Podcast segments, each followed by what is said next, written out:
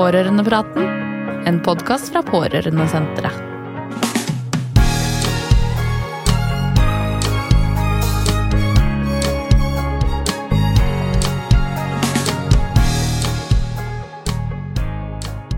Hei og velkommen til podkastserien Pårørendepraten, en podkast fra Pårørendesenteret. I dag skal vi snakke om det å være ung og etterlatt til mennesker som har tatt selvmord, eller å være pårørende til noen som har prøvd å ta livet sitt. Men aller mest de som har mistet noen. Og i studio har vi vår psykiater og fagrådgiver Anne Kristine Bergem fra Pårørendesenteret. Og dagens gjest er Veronica Halvorsen, som er konsulent i Unge Leve, en underorganisasjon av Leve, som vi skal høre mer om hva er. Mitt navn er Oda Weide Krogh, og jeg er programlederen deres og i podkasten. Så takker vi varmt for støtte som vi har fått til å lage podkasten. Så da vil jeg bare begynne med å velkommen, ønske deg velkommen, Veronica. Det er veldig hyggelig å ha deg her. Veldig hyggelig å bli spurt om å komme. Det, her, det, som, det blir en fin avslutning på denne lille serien eh, å snakke med deg. Ja. Det er godt å høre. Mhm. Mm. Du er jo utdannet eh, sykepleier, og så har du liksom gjort litt forskjellig med det yrket. Og nå er du jo da i Unge Leve. Så jeg tenkte, kan du ikke først Vil du først begynne å forklare, eller fortelle litt om deg, og så kan vi jo, er det jo spennende å høre hva, hva er forskjellen på å Leve og Unge Leve, og hva er det dere gjør? Absolutt. Ja, som du sa, jeg heter Veronica, da, og jeg er 29 år gammel og bor rett på utsida av Oslo, på Kjeller, med samboeren min. Og du nevnte det så vidt at jeg er utdanna sykepleier og har gjort litt forskjellig. Så jeg har jobba litt i psykiatri, jobba litt med mennesker som har selvmordstanker og er suicidale. Ehm, og, eh, ja, og nå jobber jeg da i Unge Leve, da, som er en organisasjon for de som har opplevd å miste noen i selvmord. Unge Leve er jo for så vidt en underavdeling, da, ungdomsavdeling, til Leve, Ja. eh, Landsforeningen for etterlatte ved selvmord. Den er jo en frivillig organisasjon som ble oppretta i 1999, fordi man så at det var et behov for eh, de etterlatte etter selvmord. Eh, og Unge Leve er jo for de mellom 15 og 35 år da, som har mista Ja. noen. 15 og 35. Jeg blir nysgjerrig. Hva, hva med de under? Anne Kristine, eller sånn, er det, er det, snakker dere da med på måte pårørende av enda yngre? Eh, altså Det hender jo at det kommer henvendelser fra de som er yngre også, absolutt. Eh, og Leve har jo hatt litt sånn familiesamlinger opp igjennom, som har vært mer et tilbud for barn og familier. da, Fordi Mm. man ser jo kanskje at barn trenger litt, eh, litt annen type støtte. og ja, Så, det, så Unge Leve er jo primært mellom 15 og 35, da, men det er jo absolutt et behov for de som er yngre òg. Så det er viktig å ikke glemme. Og som da organisasjon, hvordan er det dere da eh, Hva skjer hvis jeg hadde tatt kontakt med dere? Hva er det dere da tilbyr? Hvordan er dere på en måte organisert, da? Rett og slett? Ja. Da kan du ta kontakt eh, direkte med meg. Da. Jeg jobber jo i Unge Leve sentralt. Mm. Eh, Så jeg jobber jo på en måte med alle de frivillige og eh, det nasjonale tilbudet. Eh, Men vi har jo også fylkeslag i alle fylker. Mm. Så det er jo frivillige som eh, engasjerer seg og tilbyr eh, sorgstøtte og likepersonstilbud eh, og aktiviteter da, rundt omkring. Så, så det, folk tar jo kontakt litt forskjellig, da. Mm. Jeg opplever at de som ofte tar kontakt med telefonnummeret til Leve eller meg, gjerne vil fortelle sin historie da, og nylig har mista, og ikke helt vet hvor de skal henvende seg. Og så setter jeg dem gjerne i kontakt med de som bor litt nærmere der du er, da, så du kan få litt eh, hjelp litt nærmere. Det er jo veldig flott at dere fins, og så er det også det, er, jo- det er jo interessant å høre også at øh, fortsatt det er, jo, det er jo dessverre ganske høye selvmordstall i Norge, men at det allikevel på en måte er så mange som da ikke vet altså som, som finner dere plutselig At man ikke Det er folk som hører på, altså folk vi kjenner, som ikke vet at det fins organisasjoner. Altså at det er vanskelig å lete, da. Ja, og det opplever jo vi på pårørendesenteret òg, at, Mm. at ja, det er ikke så lett å finne fram til de tilbudene som, eh, som fins. Men heldigvis, det fins ganske mange tilbud. Men man må jo vite om dem for at det skal være til hjelp. Så, så det kan jeg jo også bare tipse om til alle som hører på, at hvis man er i tvil om hva som fins der man bor, så kan man faktisk gå inn på pårørendesenteret.no eh, på hjelp hvor du bor. For der er det et kart, og så kan man finne eh, sin kommune. Mm. Og da finner man alle lokale, eh, regionale og nasjonale tilbud Så der eh, står det jo også om Leve og Unge Leve. Det er veldig bra.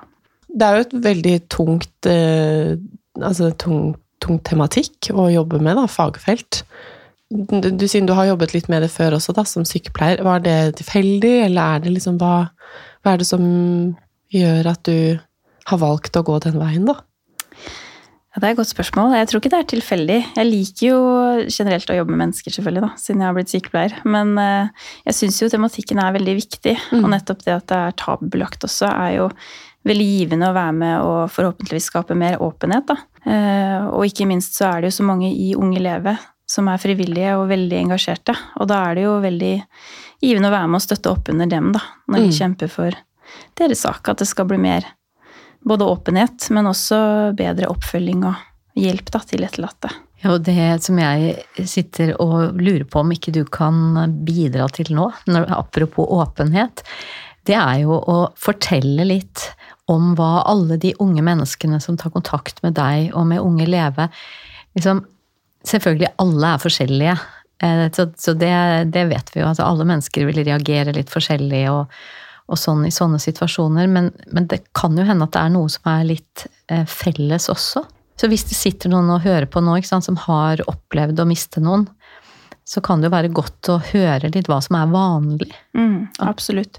Og det er jo eh, noe av det jeg har lært i den tida jeg har vært i Unge Elev, i hvert fall. Eh, så um, opplever vi jo at uh, det er jo så mye som er normalt. Uh, vi hadde ungdomssamling i oktober i Nord-Norge, og da møtte jeg 42 unge etterlatte. Og noe av det tilbakemeldingene viste, var jo nettopp det at man har lært mer om hva som egentlig er normalt. Uh, at man ikke er så unormal i det man føler. Mm. Så, men det er jo som du sier, alle er jo forskjellige, og det er jo mye som er Mange reaksjoner da, som er typiske. Men, eh, men, det som er spesielt med selvmord, det er jo at det er selvpåført. Eh, så vi opplever at eh, mange unge etterlatte kan jo sitte igjen med en følelse av både skyldfølelse og skam. At man kanskje burde gjort mer, er jo en følelse en del sitter igjen med. Men det er jo også selvfølgelig tristhet, og man lengter jo veldig etter den som er død. Men, men også sinne. Det er ikke så lenge siden jeg snakka med en som uh, fortalte om det at hun var så utrolig sint da når det hadde skjedd. Uh, og ikke minst i sjokk også. At det var litt sånn utenfor seg selv-opplevelse. Men det er jo bare noen følelser og reaksjoner, da. Men det som også overraska meg mye, er hvor direkte og åpne mange av de unge etterlatte er med hverandre, og også med meg. da. At det er gjerne noe av det som kommer opp med en gang i samtalen, er 'Hvem har du mista?' og mm. 'Dette er min historie'. Um, men det tror jeg er litt fordi vi har klart å skape et rom òg, hvor det er trygt og naturlig. Uh, så det er jo det man må jobbe med ute i samfunnet òg, tenker jeg. Ja, for Opplever du det at uh, de som eh, de du møter, altså de har heldigvis dere da, som et sånn åpent, raust rom, men at det er vanskelig å på en måte videreføre det ut i hverdagen og i andre relasjoner og sosiale settinger, da? Ja, det tror jeg. Det er jo en del som sier at når de kommer på de samlingene våre, så er det på en måte den gangen i løpet av året, kanskje, hvor de mm. virkelig åpner seg. Og så noen uh, trekker seg kanskje litt mer tilbake eller lukker seg igjen. Eller at man har selvfølgelig noen i sitt nærmiljø som man er åpne med, og, og har skapt noe nettverk òg, da, etter våre samlinger. Uh, men det er jo klart noe vi må jobbe med, tenker jeg. Vi har jo hatt et samarbeidsprosjekt nå også med LUB, Landsforening for uventet barnedød, om en nettside som heter Ungdom og sorg. Og det også er jo ment som en måte å å lage en nettressurs da, for både ungdom som opplever sorg, men også de som møter ungdom mm. i både skole og arbeidsliv. og liksom, Hva kan du gjøre? For ja. mange blir nok stående og lure på ja, hva kan jeg gjøre, og hvis jeg spør om noe, blir det verre? Ja, og, og det du er inne på der, det tenker jeg er, er felles eh, for måte, mange som mister noen, da. Uansett om det er eh, i selvmord eller eh, sånn uventet barnedød eller hva det er. at at omgivelsene kanskje liksom lister seg rundt og tenker at jeg må ikke spørre om det nå, for da minner jeg dem på det. Mm. Og at det er en sånn myte at så lenge det ikke snakkes om, så, så tenker man ikke på det. Eh, men det er i hvert fall min erfaring at det er helt motsatt. Mm. At når noen spør, og særlig hvis de bruker navn, eh, så, så, er det en lettelse. Mm. Eh, og, og, det tenker jeg både med, med familiemedlemmer eller venner man har mista, og med familiemedlemmer som er veldig syke, så er det så vondt hvis de blir glemt av omgivelsene. Sånn at når noen eh, bruker navnet og spør, så er det en sånn derre åh, det er ikke bare jeg som husker på at han levde, eller at hun levde. Jeg er helt enig med deg. Det er jo eh, Ja, jeg tror mange er redde for å spørre, og, og sånn Hvis man spør og opplever at den som har mista noen, begynner å gråte, så er jo ikke det nødvendigvis fordi du spør, det er jo fordi vedkommende er i sorg. Eh, men de vil jo gjerne snakke om den de var så glad i, og den de går og tenker på hele tiden. Så jeg er helt enig med deg i den oppfatninga der. Ja, for det, og så er det jo det, er jo det som også er sånn Det der å gi eh, selvmord både ordet i seg selv, men også måte tematikken og hva det betyr for et liv å oppleve det. da. Altså Som pårørende, at vi må gi det liksom et språk. For det er jo veldig mange som bare de hører ordet selvmord, så kommer det masse fordommer, det kommer eh, Altså, man blir jo satt ut, man blir jo kanskje redd, og så mister man liksom på en måte eh, selvtillit, eller sånn. Man vet ikke helt hvordan du skal eh, eh, hvordan du skal møte det, da. At man da liksom kvepper til og heller liksom sånn Å, det var hardt. Og så Altså, at vi må At alle Jeg tror i løpet av livet så, er, så kommer du til å møte eh, et menneske som har opplevd at noen har tatt livet sitt, da. Eh, og at da er det så verdifullt å klare liksom å, å møte det mennesket med åpenhet og forståelse, og det går jo an å si som også til andre som mister noen, da. Det husker jeg min bestevenninne mistet jo moren sin i en ulykke. Brått. Og da er det jo så mange som som trakk seg unna. Og så sa hun det går jo an å bare si 'jeg vet ikke hva jeg skal si', eh, men jeg er her, og jeg er så lei meg for deg. Det er liksom ikke så mye mer som skal til, men der kjenner vi Man føler jo liksom veldig mye i sånne situasjoner. Kanskje fordi vi Ja, vi må øve oss mer, da. Ja, jeg tror vi må det. Og det er som du sier, det er ikke alltid nødvendigvis sånn at man må si så mye heller. Det er jo litt sånn hvis man mister en, eller en venn da, som har mista noen i selvmord, så Mm. eh, tenker jeg jo det beste er jo at man er eh, eh, åpen og, og fortsetter å ta kontakt, egentlig. Mm. Eh, men også at man, man kan jo møtes og gjøre ting og aktiviteter uten nødvendigvis snakke så mye sammen også, men Mm. vise at du er der, da. Det tror jeg er veldig viktig. Jeg tror og det å liksom ikke, ikke gi opp Det er fort gjort å gi opp folk som har det vondt eller vanskelig eller har opplevd noe.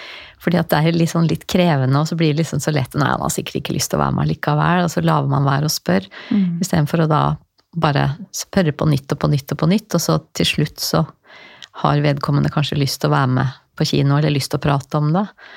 Og, og det tenker jeg særlig når det gjelder måte, ungdom, da, barn og ungdom, så må ikke voksne gi seg. Mm. Om man er lærer eller forelder eller hvem det nå er, at man sier at eh, liksom, Hvis du ikke har lyst til å snakke om det nå, så er det greit, men det kan godt hende jeg spør igjen om en uke. Mm. Mm. Og, så, og at man gjør det, da. Og så til slutt så har man kanskje lyst til å snakke. Absolutt, det tror jeg er veldig viktig. Og det er jo eh, ja, det er jo litt som man sier også, at en del unge de føler jo kanskje på at de etter en viss tid burde være ferdige å sørge også. Men så er det jo ikke helt sånn det fungerer. Det, man sier jo at sorgen går i bølger. Mm. Den kommer og går. sånn at det er jo noe med at eh, selv når samfunnet går videre, så, så trenger man fortsatt at folk er der. Og um, ja, Mm. rett og slett stiller opp. Ja. Mm. Ja, og så er det nettopp det der at eh, du tenker at nå har du gått en viss tid, sånn at nå, nå, nå blir jeg liksom mer belastende for andre hvis jeg i gåseøynene ikke har blitt ferdig, eller kommet meg videre, eller eh, liksom er litt sterkere, klarer å fungere litt bedre i hverdagen.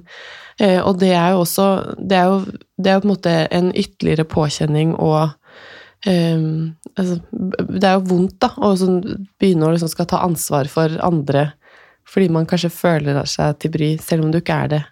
Altså, vi er liksom misforståtte med alle disse sånn en kjærlighetssorg Det tar hva da, er det halvparten av hvor lenge dere har vært sammen. Det er jo mye sånne sayings og myter som på en måte De gir jo ingen mening, fordi vi er jo ikke maskiner. Og det tar jo så lang tid, og det Altså, hvis du har det, altså settingen på hvorfor personen tok sitt eget liv, har det på en måte Altså, kom det brått på, eller har det vært eh, ti år med, med, altså med slit, da? Så vil jeg tro at man også reagerer litt ulikt. Så en ting jeg tenkte på, i og med at du sa at det er fra 15 til 35, så det er, det er jo bare en antakelse fra min side, så du får si om det stemmer, men at det betyr jo at det kan være en del eh, som har kommet til den alderen hvor de er i etableringsfasen, hvor de kanskje har fått en kjæreste, kanskje begynner å tenke på om de skal få barn selv eller ikke. Og da dukker jo gjerne sånne egne livserfaringer opp, og kan jo, ja, kan jo på en måte bli komme opp med, med fornya styrke, da. Hvis man skal liksom sette et liv til verden. Mm. Absolutt. Det, det er ikke så lenge siden jeg snakka med en også, som, eh, som fortalte det. fordi for mange unge også, så selvfølgelig sorgen kan komme raskt, men for noen så kommer det jo på en måte nesten litt senere òg.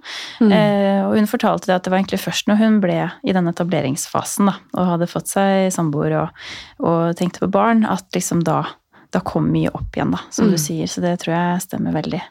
Og det er jo også når vi er 15-35 år, så er det jo det er et stort spenn. Sånn at eh, noen har jo opplevd å miste som barn. Eh, Og noen har mistet i eh, ungdomstida. Mens noen, som du sier, er eh, mer unge voksne da, og kan faktisk ha opplevd å miste egne barn også, f.eks. Ja. Så det er jo Mm. mange ulike typer tap, da, type perioder man er i, eh, av den gruppa vi jobber med. Er det noe forskjell Eller ja, kan vi, skal vi gå litt inn på det? Sånn ulike for, for de som hører på også, som er pårørende, da. Eh, hvordan det er altså En 15-åring, du er du er midt i puberteten, du er, det er liksom forelskelse, det er intriger på skolen, det er lekser, du er proppfull av hormoner, og altså, man skal jo liksom egentlig ta fatt på livet, da. Og så, og så får du på en måte egentlig livets brutalitet så midt i fleisen også. Ja, jeg tenker jo det er en spesiell tid, ja. For det er jo, som du sier, man, det skjer så mye, og det er mye forventninger. Og man er gjerne mye med venner og er sosial, og så er man på skolen. Og kanskje ikke nok med at man går på skolen, men man skal prestere. Det er jo mye sånn stress og press i dagens samfunn, som ungdom rapporterer om. Så Ja. det er jo eh, Ja, det er jo Og man skal finne seg selv egentlig litt også. Så det er jo absolutt en, en krevende tid å skulle miste noen da, til selvmord. Og det tror jeg er viktig å huske på. Og også dette med at en del unge holder jo kanskje maska litt også. Og tilsynelatende har det bra, men, eh, men under flata så eller under overflata, så kan det ligge mer, da. Og I stad så sa du jo det ikke sant, om følelser og, og sinne. Og så var det et ord som du ikke sa, som jeg bare har lyst til å si høyt. Ja. Og det er jo også at det, det kan jo oppleves som et, liksom et veldig sterkt svik. Mm. Altså det å bli svikta av en forelder som liksom skulle vært der for dem i mange, mange år til. Ehm, og, og det gjør jo sorgen fryktelig mye vanskeligere. Altså, at det blir mer litt sånn komplisert, da, fordi at du, du er sint og føler deg svikta og lei deg og liksom alt på én gang. Mm. Det er jo mye følelser. Og det er jo eh, Ja, det har vi heller ikke vært inne på, men veldig mange sitter jo også igjen og grubler mye, og det store spørsmålet er på en måte hvorfor, for mange også.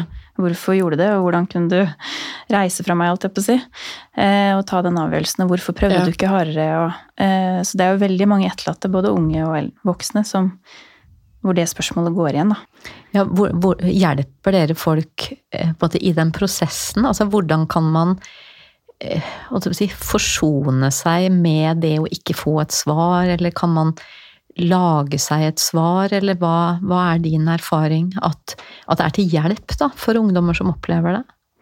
Ja, det er et vanskelig spørsmål. Jeg tror nok det er litt ulikt. Jeg tror nok ikke nødvendigvis alle finner det svaret noen gang, egentlig, og må på en måte forsone seg med det, da. Eh, og så forsone seg med at det var ikke noe du kunne gjort. På en måte. Du, du har gjort alt det du kunne, og Ja. ja. Jeg vet ikke om jeg har noe godt svar på akkurat det, for så vidt. For noen vet jeg jo at det kan være eh, på en måte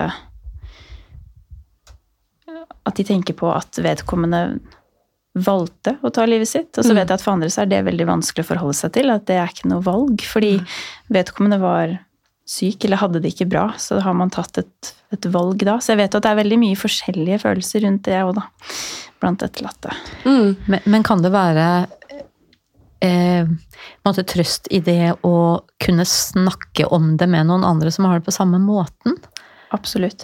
Det opplever vi i veldig veldig stor grad. Det er jo, jeg vil si at det er det flest av de unge egentlig kontakter meg for, da, og unge elever for også, at de ønsker å snakke med noen som har opplevd det lignende som dem selv. Da. Eh, Så det tror jeg er noe av det som er til mest hjelp, også i hvert fall som vi kan gi da, i Unge elever. Eh, Og gjerne også at du får snakke med noen som har samme type tap, som vi sier. At du f.eks. har mista en far, en mor, søster, venn, kjæreste. Eh, At det er noe litt spesielt ved det, da. Da føler de at noen faktisk forstår, da. Og ja, at man kan snakke sammen på en litt annen måte, kanskje, enn med noen som ikke har opplevd det. Ja, og det derre Det er jo liksom det i alle sånne livskrisefaser eh, At, at det, å, det å faktisk kjenne sånn fysisk og se det, at jeg er faktisk ikke alene eh, i den situasjonen. Om det bare er en annen på kloden, så er det en annen. Eh, at det er jo enorm trøst i det, da. Og særlig også hvis man har veldig mye eh, overveldende og tunge følelser man kanskje ikke har kjent på før. Det er jo mye skam i det også. Eh, vi har jo hatt selvmord i min, altså i min nære familieslekt. Og det var jo det derre Det å på en måte akseptere og romme at man blir så sint på en du elsker og savner, det, der, det er jo så ambivalent altså Det er så motstridende følelser som man på en måte kanskje ikke altså, Det er jo ikke sikkert du har kjent så sterkt på det før. Og at det er eh, At det krever liksom mye arbeid, men at du hører at en annen har hatt, altså føler akkurat det samme for sitt tap, da. At det også er liksom mye bearbeidelse og lettere å komme til en forsoning og liksom akseptere det, da. Og romme egne følelser og tenke at det er ikke noe feil med meg, og det betyr jo ikke at jeg ikke elsker den jeg har mistet uansett. Det er, egentlig, det er, jo, det er jo tegn på kjærlighet, men det kan jo også komme i form av eh, sinne, da. Mm. Mm. Så det er liksom foreldre som har mistet et barn, og så går man rundt og er fly forbanna på, på, det barnet du bare vil ha tilbake. Det er jo litt sånn Ja, det er jo det, det er heftig å stå i. Ja, jeg tror nettopp det med å snakke med noen andre som har opplevd mm. noe lignende, og, og, kanskje har den samme type følelsen, eller kanskje ikke, da, for man er jo veldig forskjellig i hvordan ja. man reagerer. Men, eh, men, det hjelper jo å normalisere det, mm. og det trenger man jo, for det er jo helt normale følelser. Det man føler når man har opplevd at noen tar livet sitt. Så, så, er det selvfølgelig viktig, da, også spesielt for fagpersoner som jobber med ungdom som uh, har mistet noen, at man også skiller mellom når det kanskje ikke er normalt òg, når man faktisk trenger litt mer hjelp. Men det aller, aller meste er jo helt normalt. Mm. Mm. Ja, og, og et tema som, som uh, dukker opp i sånne situasjoner når man snakker om hva som er normalt og ikke normalt, det er jo det at det er jo ikke unormalt at uh, ungdom kan få tanker selv om at livet er uutholdelig, eller når mamma tok livet sitt, hvorfor skal jeg leve? Altså mm. sånne veldig store eksistensielle spørsmål. Og jeg vil jo si at det er jo ikke noe unormalt i at de tankene dukker opp, men hvis man får sånne tanker, så er det jo ikke å anbefale at man går aleine med de tankene. Så, så, i sånne situasjoner så tenker jeg det er veldig viktig at det er god tilgjengelighet på trygge voksenpersoner, eller dere i Unge Leve, eh, som gjør at ungdommen også kan måtte, si noe om det at jeg, mm. jeg Nå sliter jeg med å liksom, finne meningen i å leve videre, og at det også blir tålt mm. av de voksne som er rundt. Har, har dere sånne temaer på agendaen hos dere? Det er jo temaer som absolutt kommer opp, ja. Vi har jo hatt en del webinarer også, altså mm. mer sånn digitale tilbud, da, eh, med ulike fagpersoner. Og, og, da snakkes det jo mye om hva er normale følelser, og hva er Og da kommer jo selvfølgelig det også opp. Fordi mm. man ser jo det at etterlatte etter selvmord har jo høyere risiko for selvmordstanker, og to til tre ganger høyere risiko for å faktisk forsøke å ta sitt eget liv òg. Mm. Så det er jo veldig viktig å, at man vet det, også ja. egentlig allmennheten og de som står rundt, og fagpersoner, da. Eh, sånn at man kan være med å gi god oppfølging til mm. etterlatte. For det er jo faktisk selvmordsforebyggende. Ja, og det, det tenker jeg det er Det kan vi nesten ikke understreke nok. At når man vet om noen som har mista noen i selvmord, så kan mm. man fremdeles drive selvmordsforebyggende arbeid. Fordi at eh, de som står rundt Men så jeg har lyst til å spørre deg litt om Altså, man vet jo, eller det snakkes jo litt om at det er litt sånn smitteeffekt. Og, og, når selvmord opptales i media, så er man opptatt av å ikke snakke om metode, og at det er en del eh, liksom, sånne, sånne ting.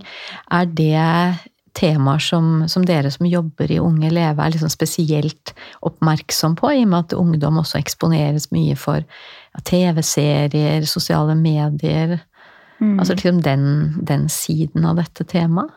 Det er jo et tema som kommer opp, både Leve og Unge Leve, dette med smitteeffekt. Og så er det jo på en måte en balanse også, fordi Um, altså i forhold til Tenk på medier og da, Vær varsom-plakaten og sånne ting. At man ikke skal snakke åpent om det. Så ønsker man jo samtidig det også. sånn at det er jo en balanse i det, tenker jeg. Men man vet jo at smitteeffekt er noe som forekommer. Så det er jo noe vi er opptatt av. det er det. Men når dere samler ungdommer, mm. så, så er da, så da er det på en måte gjennomtenkt, og de måtene dere jobber på, er eh, liksom sånn godt og trygt forankra. Ja, de er det, altså. Vi har jo, eh, altså Det største samlingspunktet det er jo denne ungdomssamlingen som jeg snakka om. Mm. Så det har de jo mange års erfaring med, og det har blitt et veldig, veldig, veldig godt opplegg. Altså Vi ser at det viktigste for ungdommen er jo det å møte hverandre som på en måte egentlig likepersoner.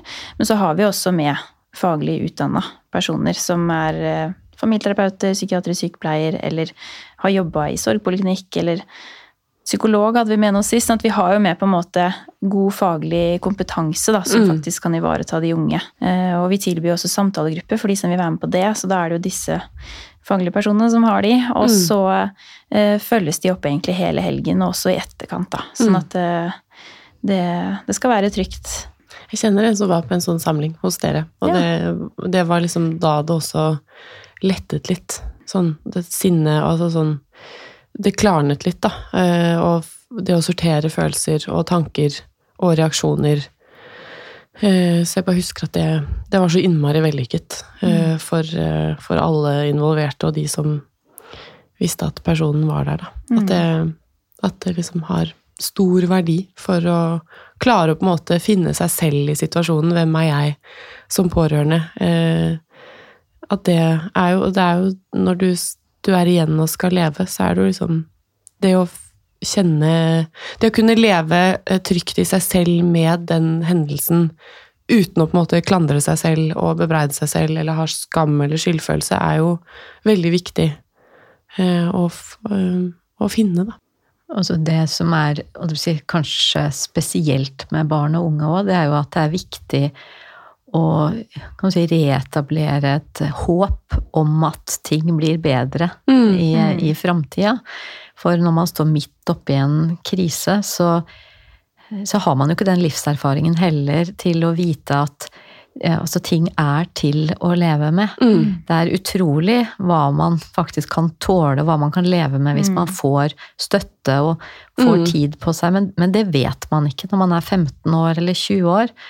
Eh, Så, så det også, det det å møte noen som kanskje har vært i løpet noen år lenger, Mm. og som kan også si og vise at det, det kommer til å bli til å bære med årene. Mm. Har, setter dere sammen grupper også litt sånn på tvers av hvor mye erfaring de har? Ja, vi gjør jo det. Vi har gjort litt forskjellig opp igjennom. Mm. Sånn at eh, vi prøver jo kanskje å se litt på alder også. For det kan jo, altså sånn, som dere har nevnt også, en som er 18 eller en som er 35, det kan jo være litt forskjeller der, da. Eh, sånn at vi prøver jo på en måte å sette sammen alder, men samtidig også at man har eh, eh, noen hvor det har gått litt lengre tid siden tapet. Eh, og vi har jo også alltid med faddere, så det er på en måte unge etterlatte som, eh, som har en faddergruppe sammen med en fagperson, så de møtes litt hyppig gjennom helgen for å høre hvordan det går, og, og sjekke inn. Og det å bli fadder, jeg, jeg syns det hørtes veldig fint ut. Og det, det kan jo være godt for noen som har den erfaringen, å bruke den til Mm. noe meningsfullt. Absolutt, det ser vi jo, og det får vi tilbakemeldinger også om at de ja, de syns jo at det gir dem noe også, å være fadder. Og, og jeg tror som dere var inne på i stad også, dette med å se at, eh, at det er håp, og at andre har på en måte Ja. kommet litt lenger kanskje, eller, eller forsona seg på et vis med det. Så Mm.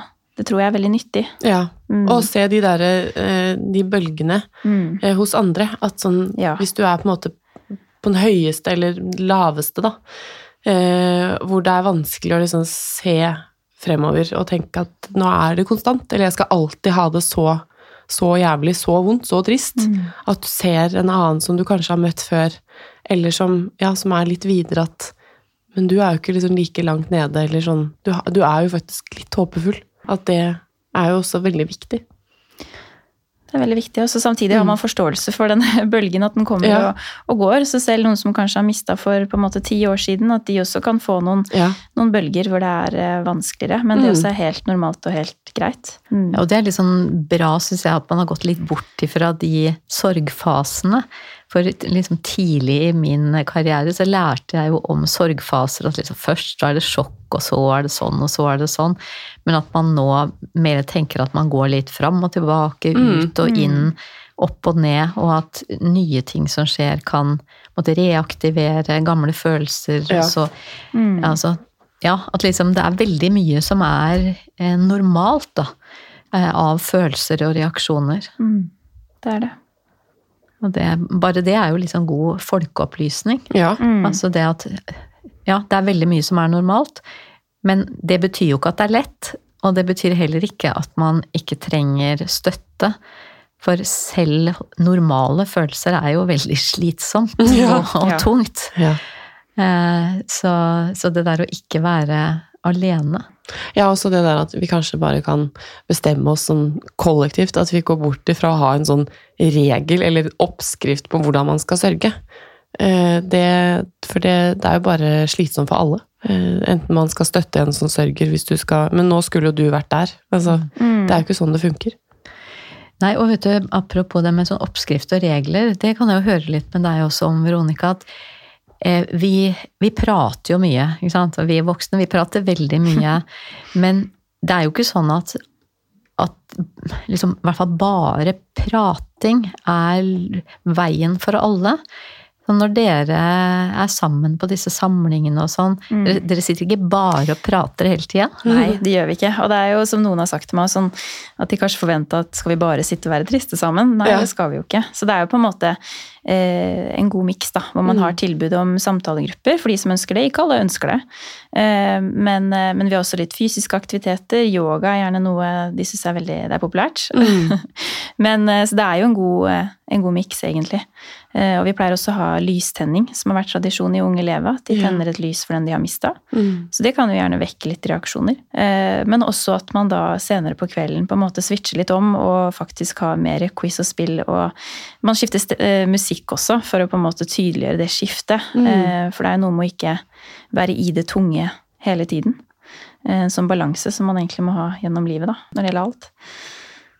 Ja, og vet du, det har jeg hørt eh, andre ungdommer, altså som har foreldre som er syke f.eks., og si det at det er til og med Altså det er fint å være sammen med andre fordi de vet hvordan det er å ha det sånn, men det er også lettere å ha det gøy sammen med eh, folk som vet hvordan du har det, fordi at da er det ingen som tror at du har glemt det vonde, fordi om du kan le eller f.eks. for eksempel være med i en quiz eller mm. spille en sketsj eller hva det nå skulle være.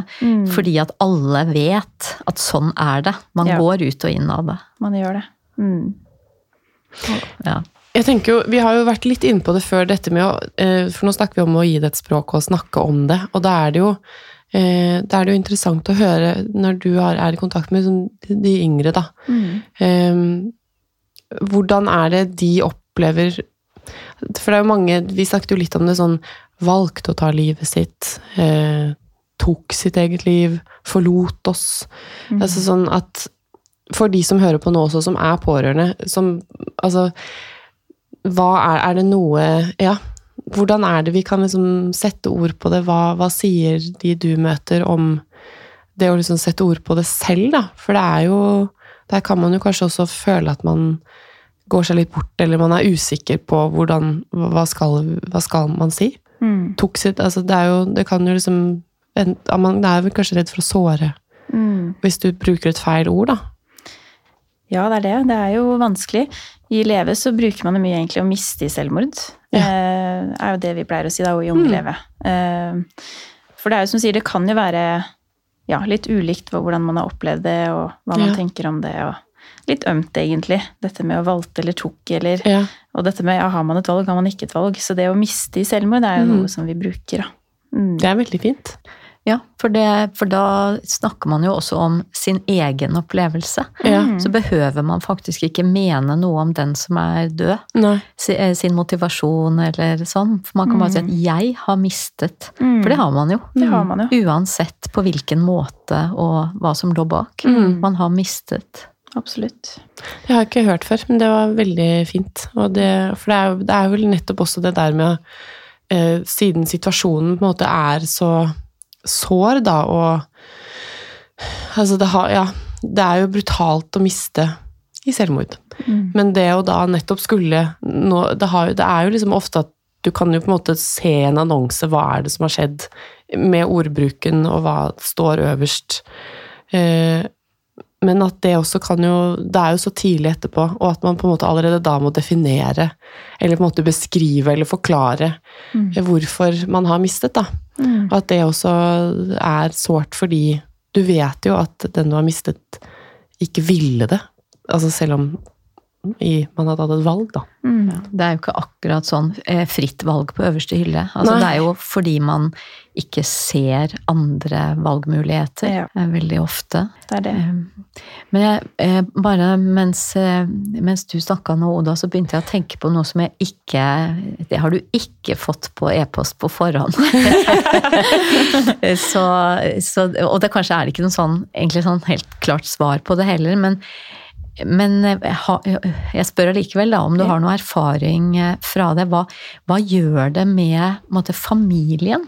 Mm. Eh, For du møter de unge, og så tenker jeg hvis vi, hvis vi tenker at det er en, for en far som har tatt sitt eget liv, og så er det barn, og så er det kanskje en ektefelle, en partner, og liksom Kommer man nærmere hverandre, eller er det vanskeligere å leve sammen videre? Eller altså, har du noen erfaringer du kan dele med oss fra det?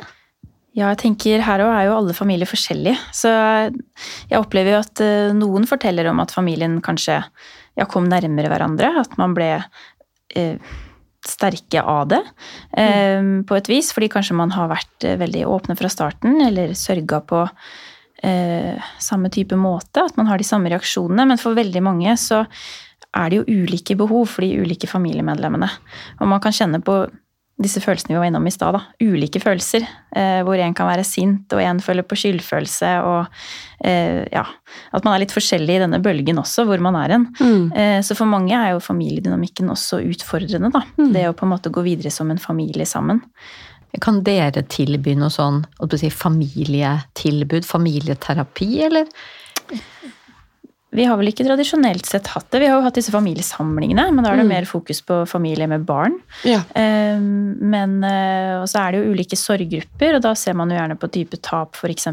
Men det er jo en god idé da, om man skulle hatt mer noe fokus på også familien som helhet. Jeg vet jo at mange går jo f.eks. til eh, altså sånn på poliklinikk, sorgbehandling, Mm. eh, og kan gå dit som familie. Men, eh, men det er jo noe vi absolutt kunne hatt som noe tema. Ja, her lager vi nye ideer. Her lager vi nye ideer. Ja. men det er jo litt fordi at tenker man, man trenger jo hverandre kanskje mer enn noen gang, Mm. og samtidig så er det kanskje vanskeligere enn noen gang, da. Mm. Og, og særlig hvis det har vært vanskelig før, så blir det i hvert fall ikke lettere. Eh, Det er jo et sånt der ordtak som heter sånn av skade blir man klok, men, men i hvert fall min erfaring er at av skade blir man skada. Mm. Eh, og så kan man jo bli veldig klok, men det kommer ikke av seg selv. Så da trenger man støtte, veiledning, og, og kanskje både møte like personer og kanskje få liksom, faglige innspill. Mm. Eh, for det, det hadde jo vært fint. Ja. Hvis alle familier som opplevde dette, kunne få den hjelpa de trengte til å komme nærmere hverandre, da. Mm. Og- ja. Vi hadde jo for så vidt et webinar før jul, av Unge Leve, og da var det fokus på unge etterlatte og nærstående. Så da var det jo en del som deltok med et familiemedlem eller en venn eller en annen som står deg nær. Eh, og da så hadde vi litt sånn eh, spørsmål, for det er jo litt interaktivt. Og, og på en måte hvem Altså ja, hvordan sørger du? Hvilke følelser kjenner du på? Eller hvem i familien din mener du på en måte er mest sørgende? Det kommer mye forskjellige svar, og jeg tror jo også at det var en fin måte for så vidt å på en måte vise dette. At Ja. vi er alle litt ulike, og det er helt vanlig også at man Ja. i familien har litt ulike behov. For det er nok noe noen familier er gode til å snakke om, og sikkert noen andre ikke snakker så mye om heller. Tror jeg, da. Ja, nettopp som vi har vært inne på også, at man på en måte er jo en risikogruppe selv, og hvis det er en far som har tatt livet eller som har gått bort, da, og så er det mor som står igjen med to barn, og så går hun ut i fullstendig sjokk Mm. og sinne, og på en måte plutselig ikke klarer å være der for barna fordi hun har på en måte mistet fotfestet. Det kan jo også skje. Eh, Og det å også da ha dere å kunne snakke om det, og på en måte få hjelp til å kanskje da må man ha inn en annen voksen, eller Mm. eh, Og ikke minst passe på at den mammaen sin får hjelp da, til å sortere, sånn at man kan finne tilbake til hverandre. Mm. Det er jo, det er jo en Ja. har jo to barn selv. Altså hvis jeg hadde mistet liksom min livspartner, så mister man jo liksom hele livet Ja. Det er noen som drar matta du står på. Ja, og så er det to barn, og så altså, du får jo liksom Altså, livet blir liksom så brutalt og uhåndterbart. Det å da skulle være voksen for to andre, Mm. og være voksen for deg selv, det er jo veldig, veldig veldig krevende. Eller kan være det, da. Mm. Så, så det er jo det liksom å få lov til å sette ord på hverandres på en måte sorgprosess, eller reflektere rundt det, Mm. er jo også en veldig fin måte å komme nærmere på, eller se om man trenger hjelp, eller ja, hvordan man snakker om det, da. Absolutt. Men jeg vet jo, jeg får, nå får jeg lyst til å bli litt sånn kan si litt streng. Ja. Eller, ja. Og det er at når man er voksen, så har man det ansvaret. Altså for de barna. Så hvis du hadde mista din livspartner, så har du ansvaret for de barna, og som voksen så har du også ansvaret for å måtte ta imot hjelp og støtte, eller be om hjelp og støtte, fordi at de barna er helt avhengige av deg. Mm. Så jeg, jeg, blir, jeg blir litt sånn eh, Ja, men jeg blir litt sånn opprørt på, på, på de barnas vegne. For jeg tenker Ja. at ja, men det er, det er vi voksne som har ansvaret. Mm. Så, så ja, uansett hvor vanskelige ting er, så, så har ikke barna noen andre. Nei. Så da må vi bare skaffe oss den eh, hjelpa og støtten vi trenger. Mm. Ja, det er med det. Barna er jo helt avhengig av foreldrene sine og nettverket rundt. Jeg tror jeg hadde klart det, altså. Men, Det, eh, det tror jeg men det er vel det poenget også er at da, hvis du merker at du føler at nå er det for vanskelig å Altså, nå, nå må egentlig noen andre flytte inn her sammen med meg, for at, det, for at jeg skal kunne være mor. Da ikke, ikke liksom Eller si ja takk til det. Eller be om det. Ja, og det er ikke lett å ta imot hjelp, altså. Nei. Nei. Eh, Det er det ikke i det hele tatt, men det er en ganske modig ting å gjøre. Mm. Ta imot eh, hjelp. Mm. Eh, Og, og det er jo ikke alltid det er så lett å på en måte, finne fram til hva som er riktig hjelp, men man, man, man må bare ikke gi seg. Det er, jo det, det er jo ulikt for alle hvordan type hjelp man trenger. Om man Mm. trenger på en måte uh, å få hjelp av noen fagfolk, eller om på en måte du har god støtte i nettverket ditt. Ja. Uh, men jeg tenker jo også Ja, det er jo så fint at vi er her og snakker om nettopp dette her også.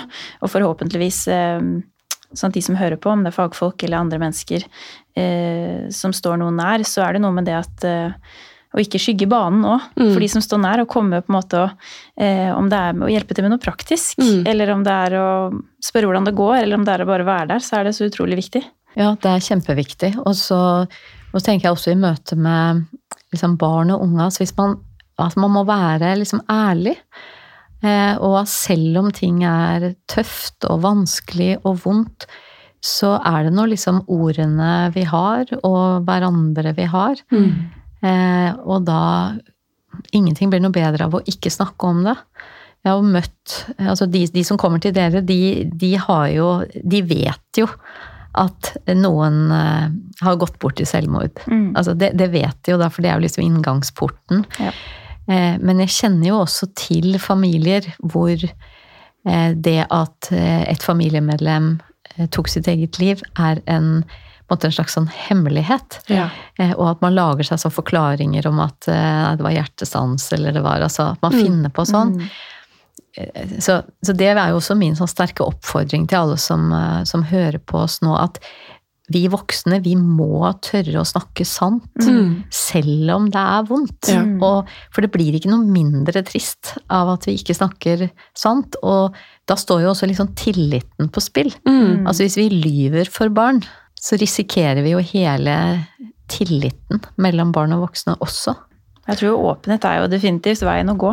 Ja. Eh, og det er jo litt sånn Snakket med noen som har mista når de var barn, hvor, eh, eh, hvor de kanskje ikke blir så inkludert, da. Mm. Men barn forstår jo mye mer enn eh, kanskje de voksne tror. Eh, så det er noe med at da ja, jeg vet at for Noen har opplevd at sorgreaksjonene kanskje kommer litt senere. da, At man blir liksom tatt igjen med sorgen. Eh, så jeg tror også veldig på det å på en måte være, være ærlig og snakke sant og snakke direkte om det. og ja, Ja. fra start. At det er viktig, da. Og så plukker jo barn liksom opp så mye også at Mm. det kan være du tror du ingen hører deg på rommet når du har en telefonsamtale, og så hører de hvordan kunne han gjøre dette? Eh, og så har du fått høre at eh, han døde på sykehuset. Altså sånn Mm. det, Da begynner man jo også er det, er, er det fordi det er meg? Altså, det er jo det der med at Da begynner man jo å konstruere en annen sannhet igjen, da, hvis Mm. man er barn.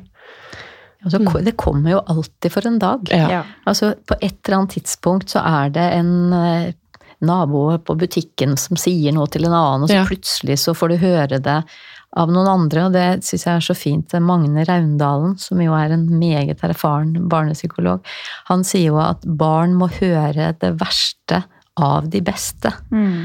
Så det betyr jo verre ting det er som skjer, jo viktigere er det at de er de nære, trygge omsorgspersonene Mm. som formidler det. Mm. Ja. ja, da blir det jo ikke noe rom for å å si, gå og gruble, kanskje. Eller selvfølgelig kan man jo gå og lure på hvorfor det skjedde, men allikevel ja, at man er så ærlig som mulig. Og, Mm. Og da kan man gjøre det sammen. Da kan man gjøre det sammen. Mm. Mm. Eh, litt sånn eh, avslutningsvis og kanskje oppsummeringsvis, da. Hvis du skal gi noen råd til venner eh, eller fagpersoner, eller altså, de innerste nære relasjonene, da. Mm. Eh, som er pårørende, eller som kjenner noen som er pårørende i ung alder, da. Mm. Som har mistet til selvmord. Er det noe som, som er ekstra viktig eh, de kan ta med seg? Vi har jo vært mye inne på det. Jeg tenker jo For venner så er det jo det å Altså egentlig alle å være der, da. Eh, Og ta kontakt og ikke stoppe å ta kontakt. Mm. Eh, Og snakke åpent og direkte om det. Og så kan jo det være vanskelig for noen, eh, men bare være der, på en måte. Og for venner også tenker jeg at det kan være fint å egentlig ja, gjøre aktiviteter man har pleid å gjøre sammen. Om det så er å se på en serie eller gå en tur, eller så er det noe med at du, du er der hvis de Mm. trenger det.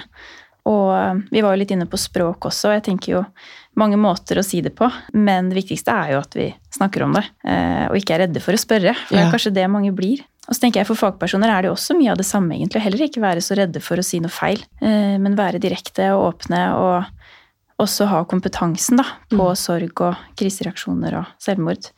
Eh, Og vite hva som er normalt, men også når du kanskje må henvise til en annen type hjelp. da. Så det tror jeg er er mine råd, og også fagpersoner som ja, møter eh, familier, eller, eller uansett om det er en, en ung etterlatt, så og nettopp huske på det vi har vært inne på også, at det kan jo være ulike reaksjoner innad i familien. At det også er jo en del av det. Ja, veldig fint. Ja, så får jeg jo lyst til å føye til da, at hvis det er eh, unge eh, pårørende som hører på oss nå, så kan de jo da ta kontakt med Unge Leve. Ja. Og så komme til et miljø som vet hva det dreier seg om, Mm. og som kan gi støtte og, og være med et stykke på veien. Det vil jeg absolutt anbefale. Mm. Ja. ja. Ungeleve.no er jo hjemmesiden deres. Det er hjemmesiden. Ja, Mm. Så der finner man jo mer informasjon. Og så er det jo pårørendesenteret.no, Mm. hvor man også da kan gå inn. Ja, og da kan jeg jo bare fortelle det at eh, vi har eh, oppdatert unge pårørende pårørendesidene. Vi har jo egne nettsider til barn og unge under 18 år. Mm. Og der vil det også eh, stå litt informasjon om, om f.eks. selvmord, og med lenke til Unge Leve. Mm. Mm. Så bra. Det trenger vi. Jeg kan også nevne, jeg nevnte det tidligere, denne Ungdom og sorg-nettsiden. Ungdomssorg.no. Mm. Der finner man også historier. Så det er jo noen som har stått fram veldig åpent med Mm. bilder og hele sin historie for å på en måte vise hvordan det var for meg, og Ja. kanskje dette er lignende for deg. Eh, Så det også tenker jeg er nyttig. Jo Ja. mer åpne vi er, jo bedre er det. Veldig, veldig enig. Mm. Tusen takk for at du ville komme og dele, og fortelle oss hva vi kan gjøre for å være der for hverandre. Mm. Takk for at jeg fikk komme. Takk for deg, Anne Kristine. Og takk for pårørendepraten for i dag. Du har hørt Pårørendepraten, en podkast fra Pårørendesenteret. Du finner flere episoder og ressurser på hjemmesidene våre pårørendesenteret.no, pårørendeprogrammet.no og ungepårørende.no. Podkasten finner du også på de fleste steder der du lytter til podkaster.